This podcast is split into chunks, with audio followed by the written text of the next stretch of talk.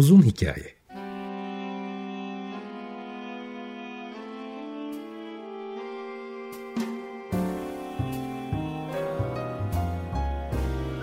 Sinir bilim, psikoloji, felsefe ve müzik.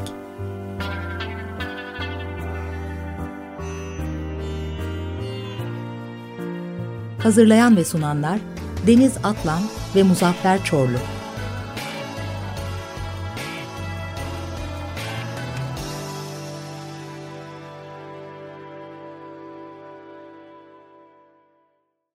.0 Açık Radyo'dan, Açık Radyo.com.tr ve onun uzun hikayesinden herkese günaydın.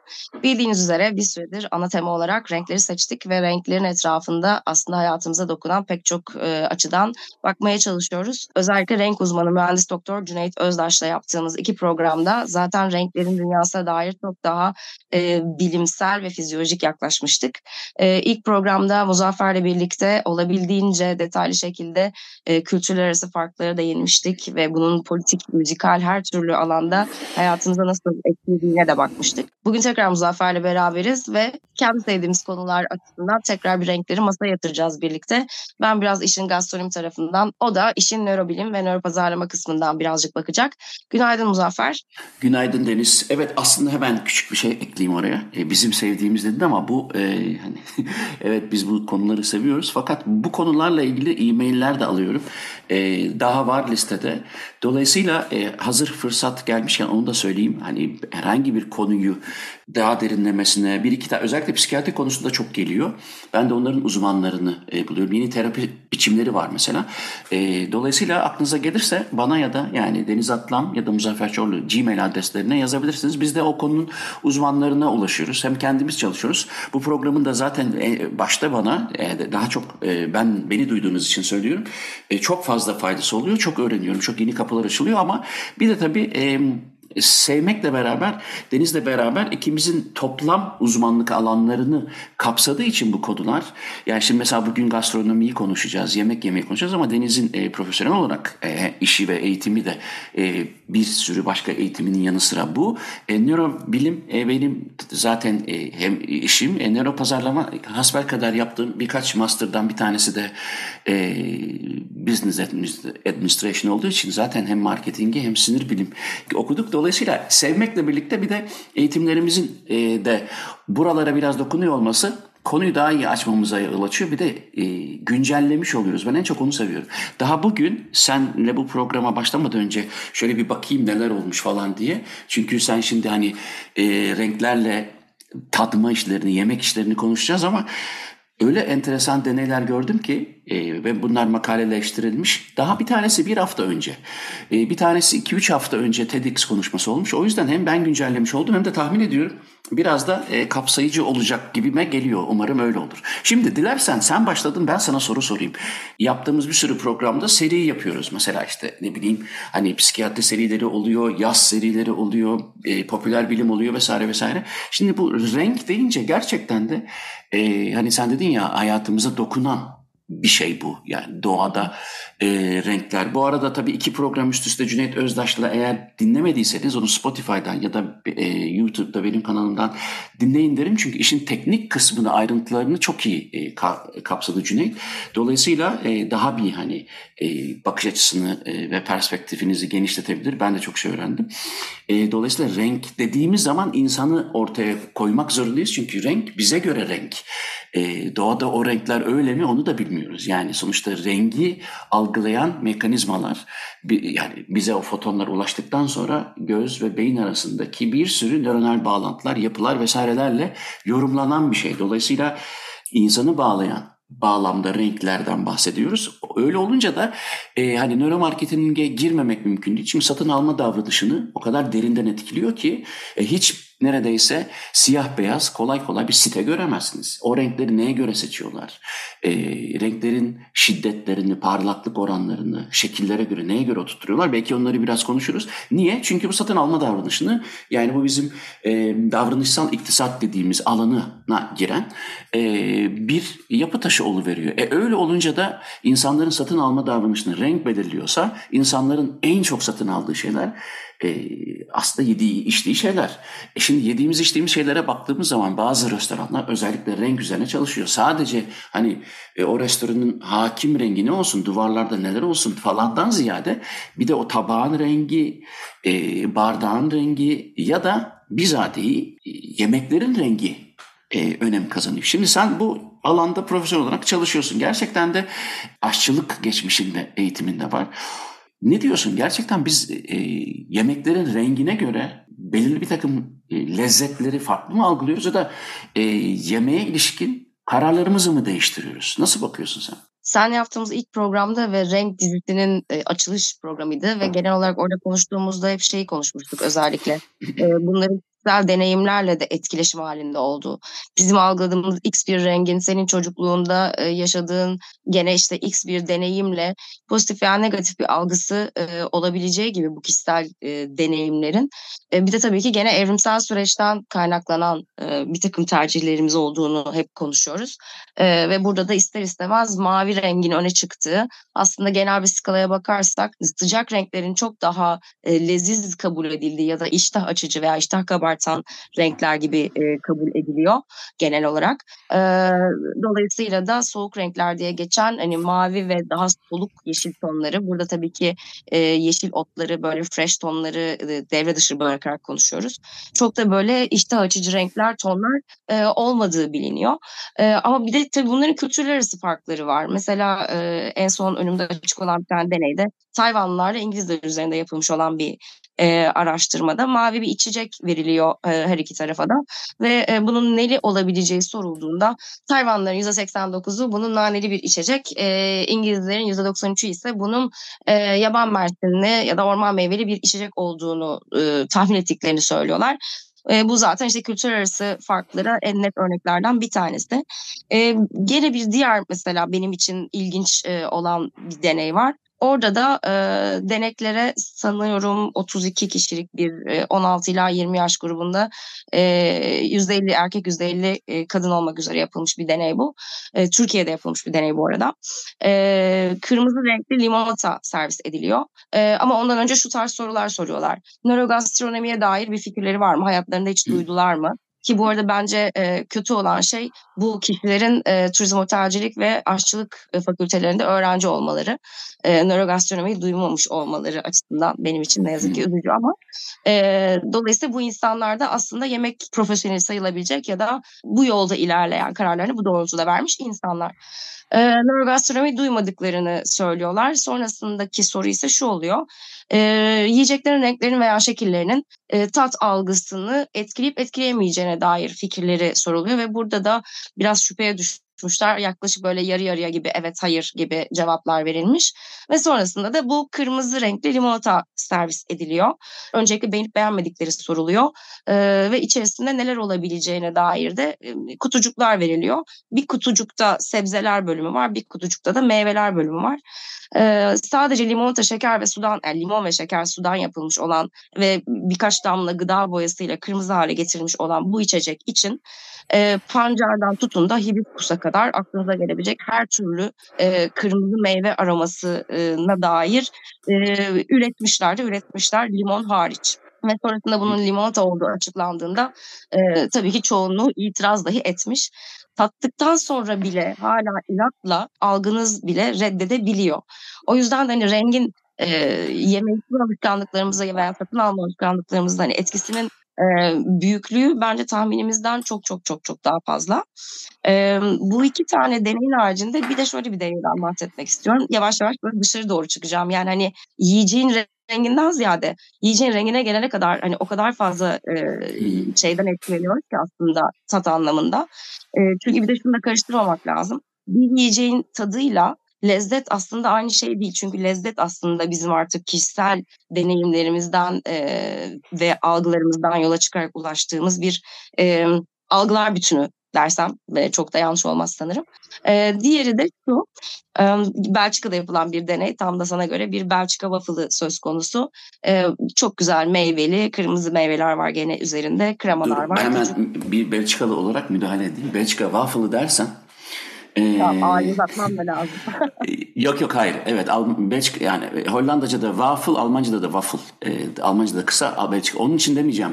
E, Belçika waffle diye tek bir şey yok da onu tabii burada yaşamasaydım nereden bilecektim? Hani Liège usulü waffle var. E, Brüksel usulü waffle var. Bunların e, işte un oranları, e, şekilleri falan farklı. Bir sürü şey var, stil var. Hani hazır biliyorken devre araya gireyim de hava atayım Anladım. istedim. Yani Türkiye baklavası demek gibi bir şey diyorsun yani. Hani Vallahi ne kadar güzel söyledin. Aynen öyle. Evet. Okey. Buradaki esas mevzu şu e, deneklere bu arada hani göz tarama ve yüz tarama sistemi ile de kontrol altında olduklarını söyleyeyim baştan. E, şöyle planlanmış bir deney bu. Önlerine bir kapalı kutu gelecek. O kutuyu açtıklarında ilk 15 saniye iyice bakarken ki taramalardan elde edilen e, sonuçlarla da destekleniyor kişilerin beyanları. E, buradaki waffle'ları üç farklı şekilde servis ediyorlar. İlkini normal standart beyaz bir tabakta, yani her evde olabilecek klasik tarzda. İkincisini bir sokak yemeğiymiş gibi e, karton bir e, kutunun içerisinde. Üçüncüsünü ise işte mat siyah görünümlü ve e, algı olarak lüks bir restoranda servis edileceği algı yaratan bir tabakta servis ediliyor ve e, aslında tahmin edildiği üzere e, beğeniler de lükse doğru e, doğru orantıda artıyor. Sokak e, görünümündeki, sokak yiyeceği görünümündekinden ziyade siyah waffle, siyah tabakta servis edilen waffle'ın çok daha lezzetli olduğu e, tabii bu arada şöyle bazı oynamalar da yapılıyor.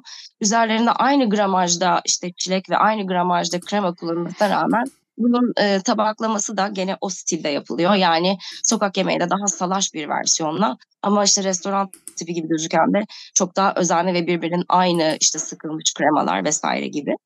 Ee, ve bunun sonucunda aslında şöyle bir şey ortaya çıkıyor. Ee, siyah tabakta servis edilen waffle için yaklaşık 4 euro civarında bir parayı gözden rahatlıkla çıkaracağını söyleyen denekler e, işte sokak waffle'ı için en fazla 2,5-3 euro civarında bir para harcayacaklarını söylüyorlar sadece sunulan tabağın bile bırakın yiyeceğin lezzetine ona verdiğimiz e, bayağı maddi bir değeri bile ne kadar etkileyebileceği e, noktasına geliyoruz. E, o yüzden de hani rengi yiyecek e, konusundan hiçbir şekilde tabii hiçbir alandan ayırmamız mümkün değil. E, öte yandan şimdi gene geriye çıka çıka devam edersem senin hani hep verdiğim bir örnek vardır. İşte e, biz aslında gözlerimizle yemeye başlıyoruz hikayesi.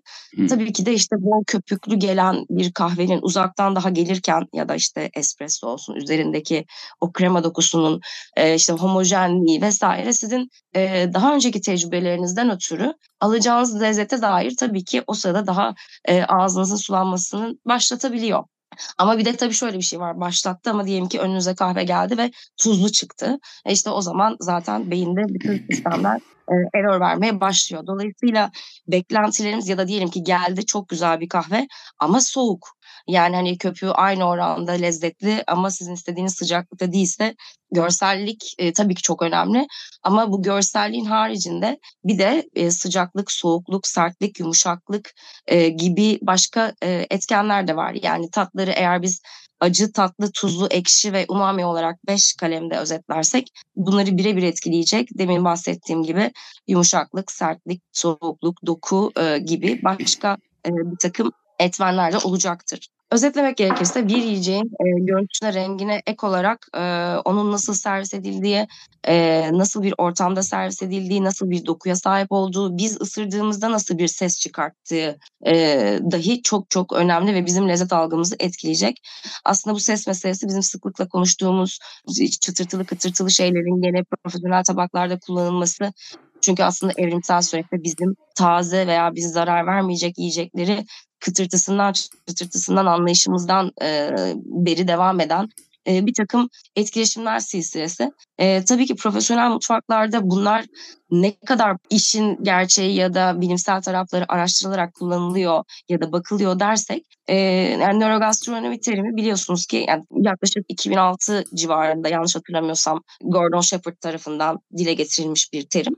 E, bunun bir bilim olarak kabul edip edilmemesi bile yaklaşık bir 10 yıl sürdüğü için çok yeni bir dal diyebiliriz. E, ama nörogastronomide e, sinir bilim ve gerçekten profesyonel aşçılık ve mutfak tarafının da işin içine dahil olmasıyla şu anda son 1-2 yılda çok ciddi çalışmaların arttığını ben de görüyorum.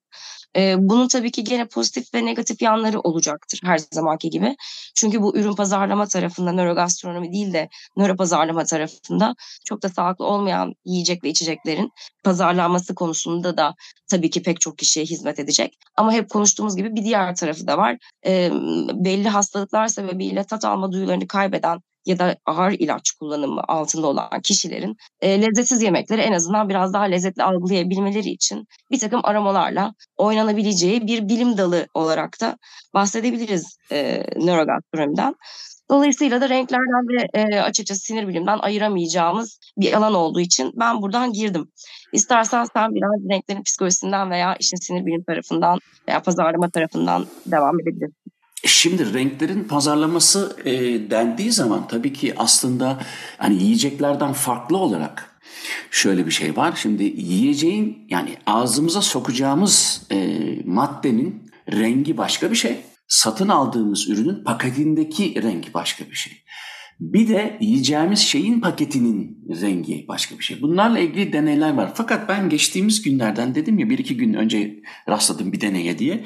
Onu e, bir özetleyeyim. Çünkü e, renk insan davranışını nasıl etkiliyor konusunda çok sübjektif olduğuna inandığım, çok böyle e, hani ikna olamadığım bir sürü e, şey var. İşte hani şu şu markalar neden moru seçen, şu şu markalar neden sarıyı seçmiş onu konuşuruz. Ya da mavi e, neden bize biraz daha sakinliği hissettirir ya da çağrıştırırken mor biraz daha seçkinliği ya da işte falan. Bunlar, bunları açıklamak e, kültürden bağımsız mümkün değil. Yani işte eğer Japonya'da bu böyle Danimarka'da da öyle değilse o zaman bir defa orada bir durmak lazım. Demek ki burada hani öğrenilmiş ve e, nesilden nesile de zincir olarak belki de geçememiş bir durumdan bahsediyoruz. Oraya mutlaka geliriz ama beni ikna eden tarafları yok. Evet ha işte mavi şudur. Ya genelde böyle bir e, konsensüs var ama kısmında kalıyorum ben. Fakat ama kısmında kalmadım bir deneye e, şahit oldum. Ve bunu da e, TEDx konuşmasında gördüm. Oradan aktarıyorum. Deney şu, çok basit bir soru soruyor. E, eğer şu anda telefonlarınıza e, telefonlardan dinliyorsanız o ayrı da. Ama bakmayın. Şimdi aplikasyonlarınıza bakmayın. Sana sen de şimdi sana da bir test yapayım. Şimdi telefonuna bakma. Sana bir soru soracağım. Çok basit bir soru soracağım. Ee, bir kağıt kalem aldığını varsay al ya da e, aklından da yapabilirsin. Soru şu. Aldım. Evet elinde ha, al. Kalemi kağıdı al. Soracağım soru şu. Şimdi telefon aplikasyonlarından bir tanesini soracağım. Ama bu dünyada en çok kullanıldığı tespit edilmiş. Hemen hemen herkesin günde ortalama en az 20-30 kere girdiği için ortalamanın çok yüksek olduğuna inanılan bir aplikasyondan bahsediyoruz. O da WhatsApp. Şimdi hiç kimse WhatsApp'ına dönüp bakmasın. Elinizde bir tane kağıt var, kalem var. WhatsApp'ın aplikasyonunun o grafiği çizebilir misin? Yani yanlış hatırlamıyorsam bir tane şey konuşma baloncuğu içerisinde bir telefon ahizesi hatırladım şu an. Ha bravo. İşte bu bu balon insanların içindeki sanki açık şey balon yeşil de içindeki siyah olabilir ya da beyaz. Evet. Şimdi burada valla sen çok iyi bildin. Yani ben o deneyde baktım. E, ben de tökezleyenlerdenim. E, insanların çok önemli bir kısmı e, şimdi kalemin yeşil olmadığı için Hani rengi kullanamıyorsun. Dolayısıyla başka unsurlarını kullanacaksın. Tamam bu bir işte şöyle bir yuvarlakımsı kare. Peki içinde bir, bir şey var bir yuvarlak. Konuşma balonu mesela çok az kişinin söylediği bir şey. Çoğu kişi e, çift V olduğunu söylüyor. Ve yanılmış, istatistikte yanılıyor olabilirim ama yani %90 üzerinde ki insanlar onun içinde bir telefon ahizesi olduğunu bilmiyor. Ben de bunlardan birisiyim. Sonra herkes bakıp gülmeye başlıyor. Şimdi bu ne demektir? Her gün ama her gün onlarca kez telefonu alıp aplikasyona basıp ne gelmiş ne gitmiş ne atayım ne yazayım diye basıyorsun. Fakat o otomatik davranışın sonucunda senin hatırladığın şeylerin başında yeşil olduğu geliyor. Yani rengin baskınlığı geliyor ve insanların %90'ında ya hakikaten onun üzerinde ne yazıyordu ya da onun üzerinde harf mi vardı ilk akla gelen harf. O yüzden insanların %90'ın W yani çift V yazması ben de onlardan biriyim. Ya bakıyorum pek de hani çift V böyle miydi hakikaten diyorum. Ve telefon ajitesi benim aklıma gelmedi. Ya da konuşma balonu değil de onu bir yuvarlak gibi gördüm ben de. Yani ben o %90 içindeyim. Ee, sen o %90'ın dışındasın ki sen de emin olamadın ama seninki bayağı yakın. Keşke sana sormasaydım. Bütün bütün gizem gitti yani. Neyse ama bakın yani deneyin. Göreceksiniz ki ben hem birkaç kişiye de sordum. E, herkes çuvalladı yani. Ama buradan çıkaracağımız ders şu. E, hakikaten onun rengi üzerinde yani WhatsApp eşittir yeşil baf bastın gitti oluyor. Yani artık detaylara bakmıyoruz. Renk bizi daha çok etkiliyor. Bunun sinir bilimsel bir karşılığı var. Çünkü barındırdığı enformasyon bilgi daha fazla ve bize yeterli bilgiyi veriyor. Yani onun üzerindeki telefon ahizesini alıp da eğer böyle fil resmi koymazsak insanların çok umursamadığını görürüz. Fakat bu ne işe yarayabilir? Bununla ilgili bir araştırma yapılmış. Ve bu araştırmaya göre bu e, deneyi de anlatan e, kişi e, TEDx konuşmasında diyor ki ya bakın diyor şöyle bir şey yapıl, yap, yapmışlar. Şimdi herkesin artık neredeyse dünyadaki herkesin elinde bir akıllı telefon var ve akıllı telefonlarda yüzün üzerinde minimum 100 tane ama genelde yüzün üzerinde aplikasyon e, simgesi var değil mi? Onları ya işte sayfa sayfa görüyoruz ya da işte bazıları onlara bir dosya da işte yok e, sosyal medya dosyası atıyor vesaire. Şimdi şöyle bir şey yapmışlar. Demişler ki ister bir dosyaya koyun, isterse sayfa sayfa ayarlayın ama aynı renkteki aplikasyonları bir araya koyun. Mesela işte yeşil renkli aplikasyonlar bir sayfada çeviriyorsun. Kırmızı renkteki ya da tonları bir sayfada, siyahlar bir sayfada vesaire vesaire. Ve bu insanların e, aradıkları aplikasyona çok çabuk ulaşmasına yol açmış yapılan çalışmalarda. Görmüşler ki kişi başına ortalama 2 saniye kazanılıyor. Ben e, bu şeye baktıktan sonra hakikaten insanların bir e, bir ödeme yapacağı zaman ya da işte aradıkları aplikasyona hemen bir hamlede ulaşamadıklarını görüyorum. O onların bir tanesi de benim. Yani sağa doğru iki tane gidiyorum, bir yukarı gidiyorum. Ha buradaydı diyorum bu.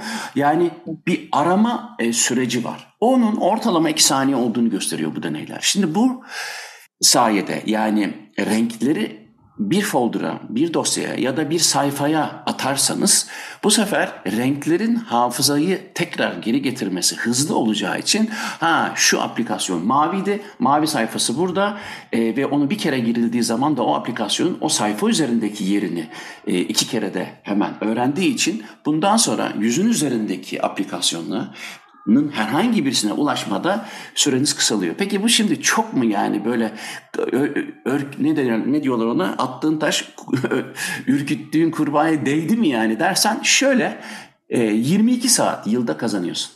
E şimdi Hı. bu az bir şey değil yani. Yılda 22 saat karın var demektir bir renk organizasyonuyla. Bunu şunun için anlattım. E, renkleri bizim karar verme mekanizmasındaki e, önemine haiz bir örnek bu ama bir o kadar da bundan yararlanılabilir. Yani e, bir defa üzerinde anlaşılmış bir renk varsa örneğin kırmızı ve yeşil. Şimdi kırmızı ve yeşil bizde yürü oğlum dur oğlum gibi bir mesaj vermiyor. Verse bile Kırmızı mı hareket yani, yani mesela boğaya biz yeşil sallamıyoruz yürüsün diye. Kırmızı sallıyoruz. E o zaman trafik ışıklarında e, boğalar olsa kırmızı da alayı saldıracak durması gerekirken. Yani bu arbitrer bir şey atamışız. Kırmızı dur olsun. Fakat trafik ışıklarının bizim hayatımızda e, yeri kırmızı yandı ya da yeşil yandı değilmiş. Yani yapılan araştırmalarda kırmızı dur yani yapma e o zaman da ne oluyor? Bütün arayüzleri, bilgisayar arayüzlerinde yeşil tik olurken çarpı kırmızı oluveriyor. E şimdi biz bunu yıllardır böyle kullanıyoruz. Biz bile yani ben bile yarım yüzyıldan fazla böyle kullanıyorum ama şimdi yeni daha yeni jenerasyonlarda e, internetin de haşır neşir olduğu bu insanlarla bu renkler artık bu şekilde kodlandı. Dolayısıyla bir daha hadi bunu değiştirelim. Meğersem beyinde sarı dur demekmiş diye düzenlenmiyor. Dolayısıyla orada öğrenilmiş çaresizliğe benzer bir durum da var. Fakat eğer renklerin organizasyonu bize zaman kazandırıyorsa, davranışı değiştiriyorsa işte bunu nöromarketing kullanmaz olur mu? Yani mutlaka kullanır çünkü hani nöromarketingin aslında e, amacı pazarlama bu. Yani ben bunu nasıl satarım? E şimdi bu bir sürü yeni e, sinir bilimindeki gelişmeler diyor ki ha bir dakika ya biz bunları eğer hesaba katarsak daha çok satarız. İşte renklerin devreye girişi konu ne olursa olsun gastronomi de olabilir bu. ya da işte insanların e, beraber e, trafik denen organizasyonda e, daha uyumlu ya da efektif çalışması için e, düzenlenmesini de gerektirebilir. Renklerin davranışta olan etkisi bu şekilde bayağı bir derin. İstersen bir müzik arası vereyim. Ben bir açtım ağzımı durduramadım yani. Evet. Bugün ben aslında müzik seçimi olarak şey seçtim. E, birkaç program sonra bütün bu konulardan bağımsız müzikle ilgili birkaç program da e, yapmayı düşünüyorum paket program. E, Django Reinhardt, e, o da Belçikalı, Gypsy Jazz dendiği zaman da akla gitarıyla o gelir. Bugün onun e, ondan değil ama onun stilinin benimsemiş müzisyenlerden müzikler dinleyelim istedim. İstersen ilkini dinleyelim. Joshua Stefan'la Stochelo Rosenberg. Stochelo Rosenberg diye de okunabilir. E, onlardan dinleyelim. Tamamen gypsy e, jazz style olduğu için e, benim çok hoşuma gidiyor. Umarım beğenirsiniz. Bugün Django Reinhardt stili e, gypsy style dinliyoruz. Biraz önce After Yugo'nu o stilde dinledik. Şimdi bugün renkleri birazcık gastronomiyle ve nöro pazarlamayla da e, yoğurarak konuşuyoruz Deniz'le birlikte. Ben e, senin konuştuklarından e, şöyle bir sonuç da çıkarttım. Şimdi yeme içme davranışında seçmeyi belirleyecek olan bir sürü faktör faktör var. Yani hani nasıl sunulduğu, nasıl bir e, dokusu olduğu ya da işte nasıl bir kokusu olduğu, nerede olduğu gibi bir sürü parametre var. Sen bunlar arasında sanki e, rengi hani başat bunları yöneten en üst noktaya koymadın. Bunlardan biri gibi. Doğru mu anlıyorum? Evet. Yani aslında birazcık şöyle bile düşünebiliriz bence. Mesela neden bütün alkollü içkilerin farklı bardakları olduğunu hatta sadece tek bir çeşit değil e, kendi içlerindeki çeşitlere ait de farklı bardaklar olduğunu ya da atıyorum e, gene kişisel zevkimize yönelik söylüyorum. İşte ben kupada kahve içmeyi severim. Öteki çayı onda sever ama öteki ince belden vazgeçemez. Şu an hani öyle incelikli kadehler çalışılıyor ki elinizle e, hafifçe esnetebildiğinizde bile görebildiğiniz kadar. Mesela hani böyle bir ihtiyaç olmasa ya da bunun lezzete bir katkısı olmasa e, koskoca cam fabrikasının işi gücüm yok bununla uğraşsın diyeceğim. Çünkü hani bu bir teknoloji günün sonunda ve e, teknolojiyle daha ince kadehler üretmeye çalışmak ya da aynı şekilde e, senin hani gene sevdiğin e, bir tarafıdır bu nörogastronominin e, çatal bıçakların bile aslında lezzete ne kadar net etki edebildiği.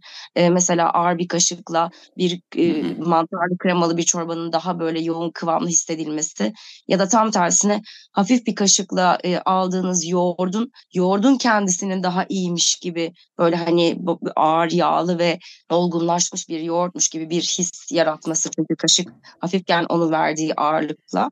E zaten sadece daha bütün bunlar kokusuna dahi gelmeden e, sizin bir takım beklentiler içerisine girmenize ve beklentilerin haricinde de gene tamamen kişisel, bireysel e, yaşantınıza dair deneyimlerinizle bir zaten ortada oluşmuş bir küme oluyor. E, renk bütün bunları farklı bir yere taşıyabilir tabii ki. Yani şöyle ki çok lezzetli bir domatesin bir de kıpkırmızı bir kabuğu varsa gerçekten eminim bir de böyle keserken hani onun diriliğini de hissediyorsanız ki bakın şu an dirilik lafı ettim. Bir şekilde e, bıçakla domatesi keserken hissettiğiniz kıvam domatesin tazeliğine dair işte pörsümemişliğine dair size bir algı vereceği için bütün bunların hepsi sizin haliyle beklentinizi yükseltiyor. Ve tam da eğer istediğiniz gibi beğendiğinize yakında bir domates tadıyla karşılaştıysanız bundan keyif alıyorsunuz. Hele ki şimdi bir de e, şu şöyle düşünelim. E, gene beyaz bir tabakta sadece basit bir beyaz peynir, domates ve bir ekmek düşünün. Ama aynı üçlüyü çok güzel bir havada, e, çok güzel bir parkta ya da bir e, ormanlık alanda bir ağacın altında işte kırmızı pötikareli ve işte hasır e, piknik sepetli bir ortamda yediğinizi düşünün. E, oradaki muhtemelen peynir ve domatesin tadını anlata anlata bitiremeyeceksinizdir belki bir süre. Hele ki mesela işte o baget ekmeğin dışındaki çıtırtı diye bile işte üzerine sayfalar yazılıyor ondan sonra. Ama burada gerçekten renk bir, bir sürü belirleyici arasında etkisini asla tabii ki de yatsıyamayacağımız e, çok ciddi bir parametre. Ama ben işin daha çok algıyla oynama yanlarındaki e, oyunları seviyorum diyebilirim hani rengin. Sevmek derken aslında en başta açılışta da senin bahsettiğin gibi işin beni heyecanlandıran kısmı diyeyim. Yani çünkü e, evet zaten bir sürü şey yapılıyor. İşte ya da restoranlarda şeflerin denediklerini düşündüğümüzde hep dokularla oynamadan bahsediyoruz ya. İşte gaz bir şeyi sıvı hale getirmek, e, moleküler gastronominin nimetlerinden uzun süredir faydalanıyor. Ve bu bence çok daha uzun süre devam et, devam edecek gibi gözüküyor bana. Çünkü mesela şu an hemen aklıma gelen mesela bu ağızda patlayan şekerler vardır ya. Şu an mesela ben sana bunu söylediğimde hafızanda böyle hani pozitif bir şeyler canlanmıyor mu? Evet, yani çünkü kesinlikle. onun Şimdi mesela sen bunu alıp da fine dining yemek servis eden bir restoranda bir tatlının içine koyduğunda Şimdi bir kişinin çocukluk hafızasından gelen inanılmaz pozitif duygularla o tabaktaki bir lezzeti birleştirdiğinde hani bunu e, ne bileyim yani uluslararası bir şey diye söyledim ama e, bambaşka bir şekilde gül suyu sende böyle bir e, hatırası vardır. Çünkü sen işte anneannenin babaannenin yaptığı güllacı hatırlıyorsundur.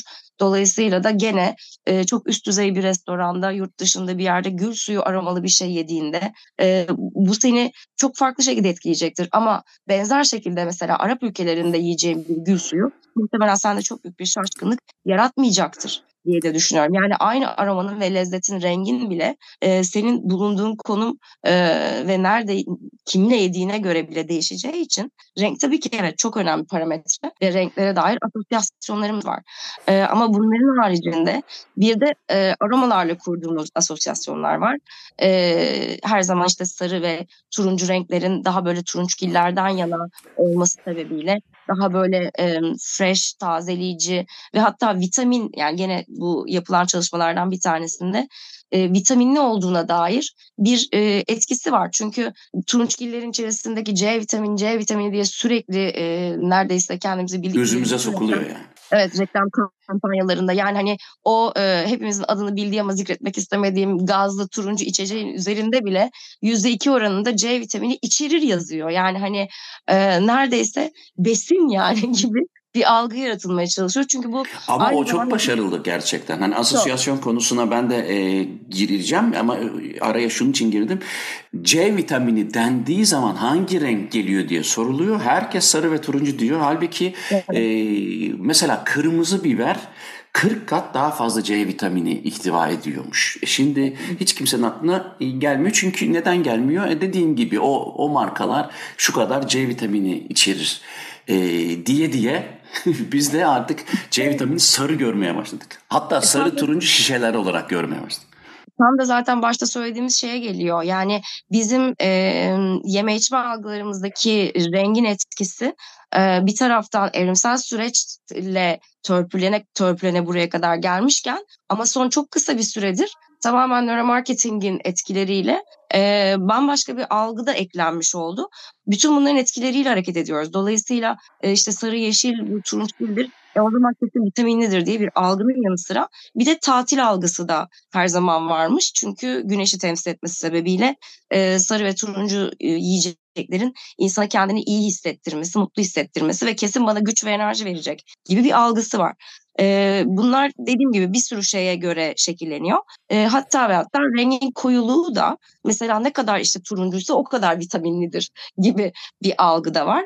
Ya da mesela vişne suyu içiyorsanız eğer içinde tanesi varsa o zaman onun tadının çok daha güzel olduğuna dair bir algınız da var. Yani bütün bunlar sadece renkle değil, e, gördüğünüz şekillerle de e, ilintili ya da ekleme çıkarmalarla. Bu arada sen şekillerle ilgili bir yere gireceğim demiştin ilk bölümde. E, hatırlıyor musun? Hatırlıyorum tabii ama istersen şöyle yapalım. E, bir Tommy Manuel, e, Yoshio Stefan, e, biraz önce söylediğim Gypsy Jazz Style, Django Reinhardt stilinde karavan seslendirmiş canlı konser kaydı. Onu dinleyelim sonra devam edelim. Karavanı Emmanuel, e, Tommy Emmanuel ve Yoshio Stefan'dan dinledik. Şimdi müzikten önce e, ben aslında hani şekillere gelmeden önce asosyasyonu da dedin ya hani ne, bize neyi çağrıştırdı, nasıl bir çağrışım yaptığı çok önemli. İşte e, onunla ilgili bir çalışma e, bize hani Hangi rengi seviyorsun en çok dendiğinde dünyada en çok verilen cevaplar belki mavi, belki kırmızı, belki yeşil değişiyor. Ama ama sonuçta mor diyen de var, işte ela diyen var, işte morun o bir sürü şey var falan.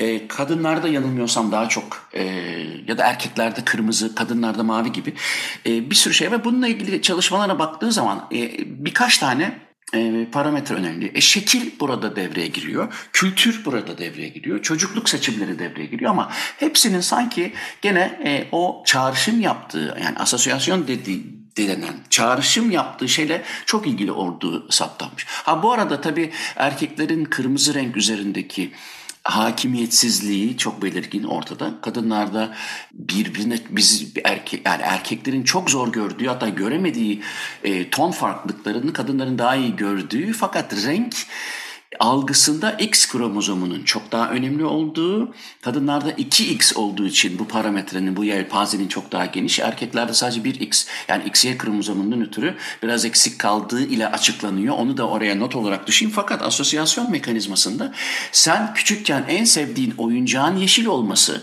senin elinde olan bir şey değil. Diyelim ki çok sev bir kahverengi bir diyelim ki işte bu sarılma oyuncağı, e, ayıcığın var falan ve e, işte 2 yaşından 6 yaşına kadar ya da çocuklar, bebekler özellikle 5-6 e, yaşlarına kadar bir şeyle uyumayı çok sever. Küçücük ellerinde bir e, bir şey olur, tavşanı olur, bilmem işte faresi olur, osu olur, busu olur. Onun ne renkte olduğu ve onun çağrıştırdığı şeyler işte güvende olma, e, kendini iyi hissetme, uykuya dalma gibi o oyuncağın rengini hiç unutmayabilir. Fakat bu çalışmada zaten insanların sevdiği renginin kolay kolay değiştirmediğini ortaya koymuş. Fakat e, sevdiği oyuncaklar içerisinde mesela yuvarlak şekilli olanlar arasında daha çok hani tercih ettiği görülmüş Sivri'ye göre. E, dolayısıyla da eğer küçüklükte ağaçlıklı bir yerde yetişip de hani bahçe, bağ bahçe, yeşil e, ona eğer işte dedesinin evini ya da kendi küçüklüğünü hatırlatıyorsa ve orada da bir mutluluk varsa e, o renkle kuracağı bağ e, dan dolayı yeşil onun rengi olacaktır. Dolayısıyla işte Japonlar mavi çok sever. E, Fransızlar e, kırmızısız yap, yapamaz. Çünkü bunun sebebi işte e, oradaki şarap üretimidir gibi şeyler e, çok havada kalan şeyler. Dolayısıyla e, hemen böyle e, renk algısında renklerin bize yaşattığı şeyleri e, biz onu bu yüzden beğeniriz şeklinde çıkartmamak lazım. Evet e, pembe ve beyaz e, odalarda hapishanelerin duvarları boyanıyor ve e, renklere göre şiddet ve kavga sayısının e, istatistik olarak anlamlı şekilde düştüğünü tespit ediyorlar. E, mavinin gerçekten e, mikro düzeyde de olsa e, tansiyon ve kan basıncında düşüklüğe yol açtığını gösteriyorlar. Evet bebekleri e, sarı odalarda bekletiyorlar, mavi odalarda bekletiyorlar. Sarı odalarda ağlama süreleri daha uzuyor, mavilerde daha kısalıyor. Bütün bunlar varken biz renklerin bizi etkileyemediğini etkilemediğini söyleyemeyiz. Bu bilimsel bir gerçeklik. Fakat bundan ötürü mavi seviyor değiliz. Mesela sen mavi sevmediğini söyledin programdan önce. Hiçbir zaman mavi bir şey giymem dedin. Ee, ama bu senin mavinin seni sakinleştirmeyeceği anlamına gelmez. Ama seni mavinin sakinleştirdiği de mavi seveceğin anlamına gelmez. e, dolayısıyla nerede doğdun, nasıl bir ilişkin olduğu bütün bunların çok subjektif olmasından ötürü biraz yani programın başından beri konuştuğumuz genel geçer şeylerin yanında bir de kişisel tercihlerin çok önemli olduğunu. Ben sana işte bu e, St. Patrick's Day'de işte bir lager'ın yeşile boyanmasından benim çok rahatsız olduğumu anlatmışımdır birkaç kere. Hı hı. E, ama yani orada benden başka rahatsız olan geçimsiz bu şikayetçi bir tip yoktu yani. Bir tek ben vardım ya Allah aşkına böyle şey olur mu diye falan. E, ama insanlar Aa, bu da güzelmiş diyordu. Şimdi hadi bakalım e, bunun gastro, nörogastronominin neresine koyacağız? O çok dallı budaklı bir konu olduğu için e, hem bilim ne diyor ve gerçekten de e, yanlış anlamamış bilgiler hangileriyle e, sübjektif e, yani kişiye özel e, yaşantıların birbirine karıştırılıp harmanlanmaması gerektiğini düşünüyorum. Yani bu şunun gibi bir çok ciddi bir caz eğitimi alabilirsiniz. Ailenizde çok ciddi caz müzisyenleri ya da caz hayranları olabilir. Evde sadece caz çalabilir ve bunu yetmiyormuş gibi caz eğitimi alabilirsiniz ve bundan dolayı bile siz gayet e, Kuzey Avrupa pop müziğinden hoşlanabilirsiniz.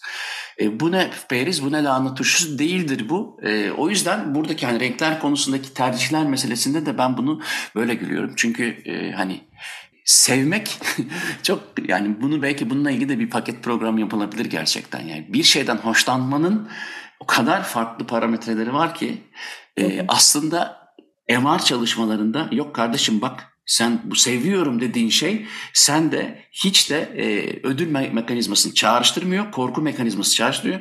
Sen sevdiğini sanıyorsun ama bedenin aslında itiyor denen çok örnekler de var. O yüzden bu iş çok su kaldırır. Ya zaten biraz önce konuştuğumuz gibi hani seviyorum diye açtığım e, şeyi kendim şöyle açıkladım ya beni heyecanlandıran mesela benim sevmekten kastım demek ki işte bu konuyla ilgili beni heyecanlandıran tarafı buralar dediğimde ki sevgi bile aslında bana bana özgü bir sevgi. Demek ki ben sevgiyi e, daha böyle heyecanlandıran ve bana bir yeni bir şeyler katan, e, beslendiğim bir e, alan olarak görüyorum diye düşündüm şu anda. Evet aslında bir de şunu da hemen söyleyeyim. E, bu konuda daha hani çok su kaldırır diye bitirdim cümle. Çünkü gerçekten e, eğer e, ulaşabilirsek bir iki tane konuk daha var. Yani özellikle hem sinir bil, e, bilimi boyutunda hem de e, pazarlama boyutunda.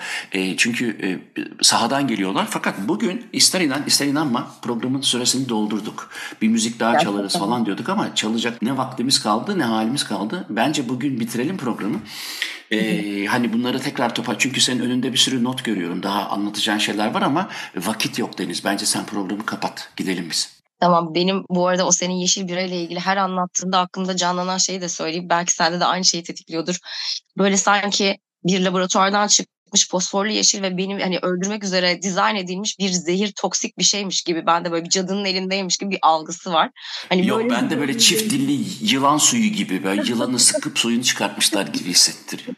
Yeşil içeceğe karşı demek ki böyle fantastik bir e, altyapıda bilemiyorum herhalde doğada Ben çok korkarak için. içerdim mesela eskiden. Şimdi çok zararlı olduklarına ilişkin bilgiler gördüğüm için çok da sevmiyordum zaten. Enerji içeceklerinin rengi beni benden alır mesela görmek dahi istemem. Bir de yeşil e, deterjan hatırlattı şu anda bana düşünsene hani o yıllarca maruz kaldığımız limon kokulu yeşil deterjanlar gibi onu içmek gibi geliyor. Yani aşırı kimyasal bir şey içecekmişim ve bana zarar verecekmiş his var.